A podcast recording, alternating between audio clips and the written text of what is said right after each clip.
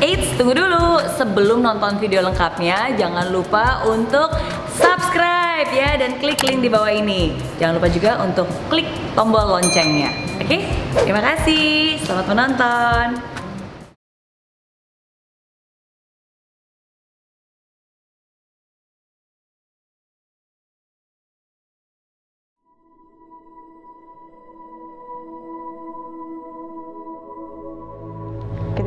Menonton video ini, ada jutaan orang yang kelaparan, ada ratusan ribu orang yang kehilangan rumah, kehilangan harta benda, kehilangan ibu, ayah, anak, orang-orang yang dicintainya.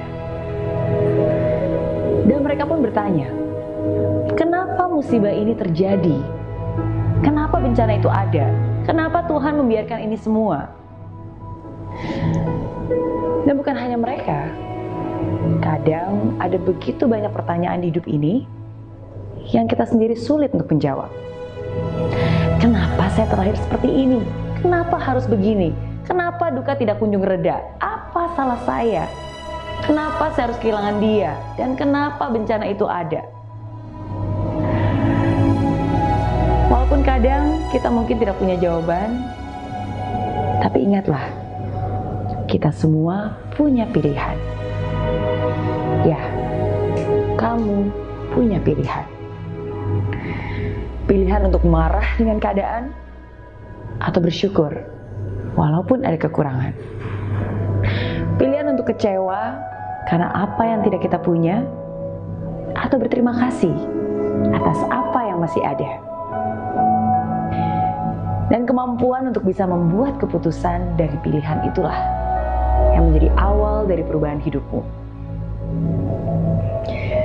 Kadang kita tidak perlu melihat semuanya untuk bisa percaya. Kadang kita tidak perlu mendapatkan jawaban untuk bisa bangkit dan kembali berjalan. Dan itulah yang disebut dengan iman. Walaupun kita belum melihat semuanya, tapi Tuhan sudah merencanakan yang indah. Walau badai menghancurkan harta bendamu, tapi saya tahu itu tidak akan menghancurkan imanmu. Walau gempa membelah jalan tempat kamu berpijak, tapi saya tahu itu tidak akan bisa membuatmu jatuh tergeletak. Every pain has a purpose. Setiap duka ada maknanya. Setiap musibah ada pembelajarannya. Sikap dewasalah yang akan membantu kamu untuk bisa menyadarinya. Hidup adalah tempat untuk belajar. Belajar untuk ikhlas walaupun tidak rela. Belajar untuk bersyukur walaupun tidak punya apa-apa. Belajar untuk bangkit walaupun lemah. Belajar tenang walaupun hati masih gelisah belajar untuk bersabar walaupun itu sukar, dan belajar menata hidup kembali walaupun luka masih belum pulih.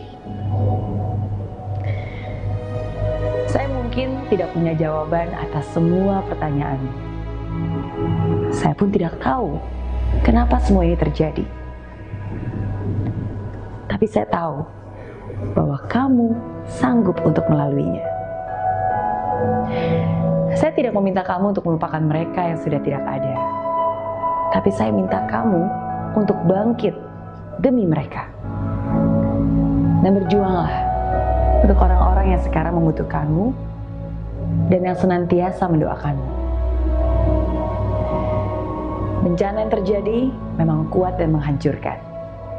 Tapi hati dan semangatmu jauh lebih kuat dan tidak bisa dikalahkan.